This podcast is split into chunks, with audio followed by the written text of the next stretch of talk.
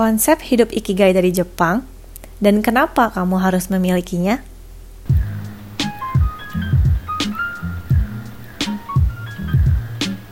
Berawal dari diskusi singkat tentang penemuan jati diri, seketika saya terhanyut dalam sebuah dilema tatkala seseorang menanyakan sebuah pertanyaan. Kamu senang tidak dengan apa yang kamu lakukan sekarang? Iya, sekarang sebelum saya tanya bagaimana di kehidupanmu sebagai manusia dan masyarakat Indonesia. Dari diskusi tersebut, terlemparlah sebuah teori atau konsep yang tidak pernah saya dengar sebelumnya, yang bernama Ikigai. Ikigai bisa dikatakan merupakan sebuah konsep berisi nilai-nilai untuk menjelaskan makna hidup dan kebahagiaan dari seseorang.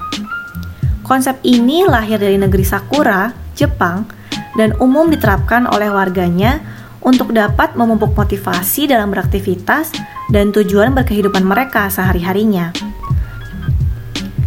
Secara harfiah, ikigai terdiri dari dua buah kata yaitu iki yang berarti kehidupan dan gai yang berarti nilai. Yang secara sederhana juga dapat dimaknai sebagai jawaban dari pertanyaan mengapa saya hidup? Konsep inilah yang sangat dipercaya membentuk masyarakat Jepang dapat memiliki karakter yang disiplin, bekerja keras, dan selalu highly motivated dalam menjalani aktivitasnya. Lalu sebenarnya, bagaimana sih konsep Ikigai ini ditemukan? Apa sih nilai-nilai yang terkandung di dalamnya? Dan bagaimana menerapkannya dalam kehidupan kita? Mari kita telah bersama. Pada tahun 2001, seorang profesor dari Universitas Toyo Eiwa bernama Akihiro Hasegawa melakukan sebuah riset mengenai asal-usul etimologi konsep ikigai pada masyarakat Jepang.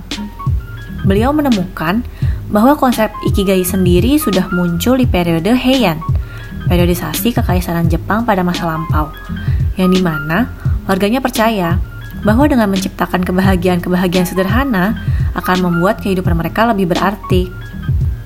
Selain itu, seorang penulis asal Amerika bernama Dan Buettner juga menginisiasi sebuah riset untuk mengulas gaya hidup di lima tempat di dunia yang warganya memiliki angka usia hidup yang panjang. Dan Buettner mengatakan bahwa dia sangat tertarik dengan masyarakat di daerah Okinawa, Jepang yang memegang teguh sebuah konsep berkehidupan bernama Ikigai itu sendiri. Setelah melakukan pendalaman terhadap konsep tersebut di masyarakat Okinawa, dan Buettner mendapatkan bahwa konsep Ikigai sendiri dapat diterapkan ketika seseorang mampu menjawab empat pertanyaan sederhana ini kepada dirinya sendiri. Yang pertama, apa yang kamu sukai? What you love. Yang kedua, apa yang bisa kamu lakukan dengan baik? What you are good at. Yang ketiga, apakah kemampuan kamu itu layak mendapatkan bayaran? What you can be paid for. Dan yang keempat, apa yang dibutuhkan dunia atau lingkungan dari kamu? What the world needs.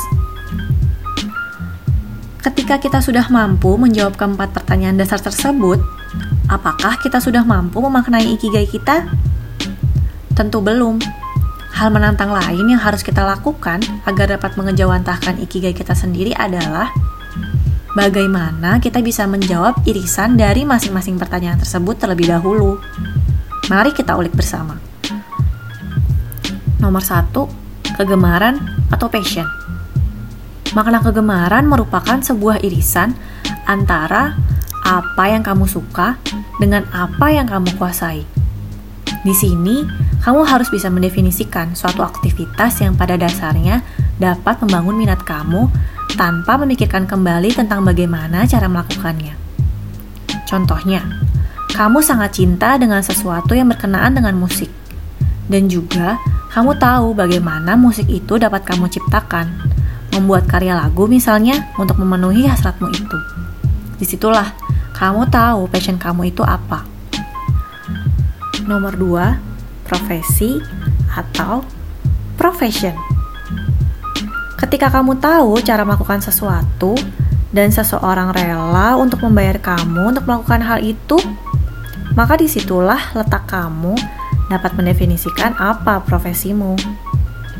Kembali ke contoh, ketika kamu telah membuat sebuah karya musik dan kamu mendapat uang karena royalti atau pertunjukan musikmu, ya kamu tahu profesimu apa.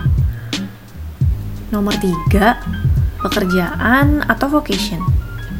Setiap orang yang rela membayar kamu untuk melakukan kegiatanmu, sudah barang tentu dia membutuhkan kamu karena karya atau jasamu. Tapi apakah kamu tahu seberapa banyak orang yang butuh karyamu itu? Poin inilah yang perlu sepenuhnya kamu konsiderasi agar apa yang kamu lakukan dapat dimaknai sebagai sebuah pekerjaan di mata orang lain dan kamu sendiri tentunya. Bagaimana seseorang bisa hidup tanpa penghasilan yang mampu mencukupi hidupnya sendiri?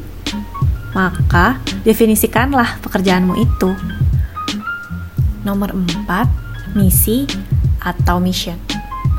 Ketika kamu sudah tahu bahwa apa yang sangat kamu sukai dan terefleksikan dalam bentuk kegiatanmu, serta dibutuhkan oleh banyak orang atau lingkungan, maka kamu pada dasarnya sedang melakukan kegiatan yang disebut dengan misi. Sebagai contoh, kamu akan melakukan tur konser musikmu untuk 50 tempat yang berbeda dalam kurun waktu yang relatif singkat.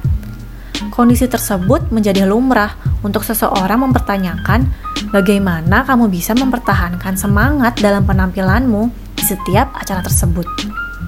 Akan tetapi, pada saat kamu bisa menjawab irisan dari dua pertanyaan tersebut, maka kamu akan selalu tampil totalitas karena kamu tahu penggemarmu membutuhkanmu untuk menghibur diri mereka. Selain itu, kamu sendiri percaya bahwa energimu akan selalu tersirkulasi penuh dengan sendirinya karena kamu mencintai apa yang kamu lakukan sekarang. Simple, kamu tahu misi kamu apa, teman?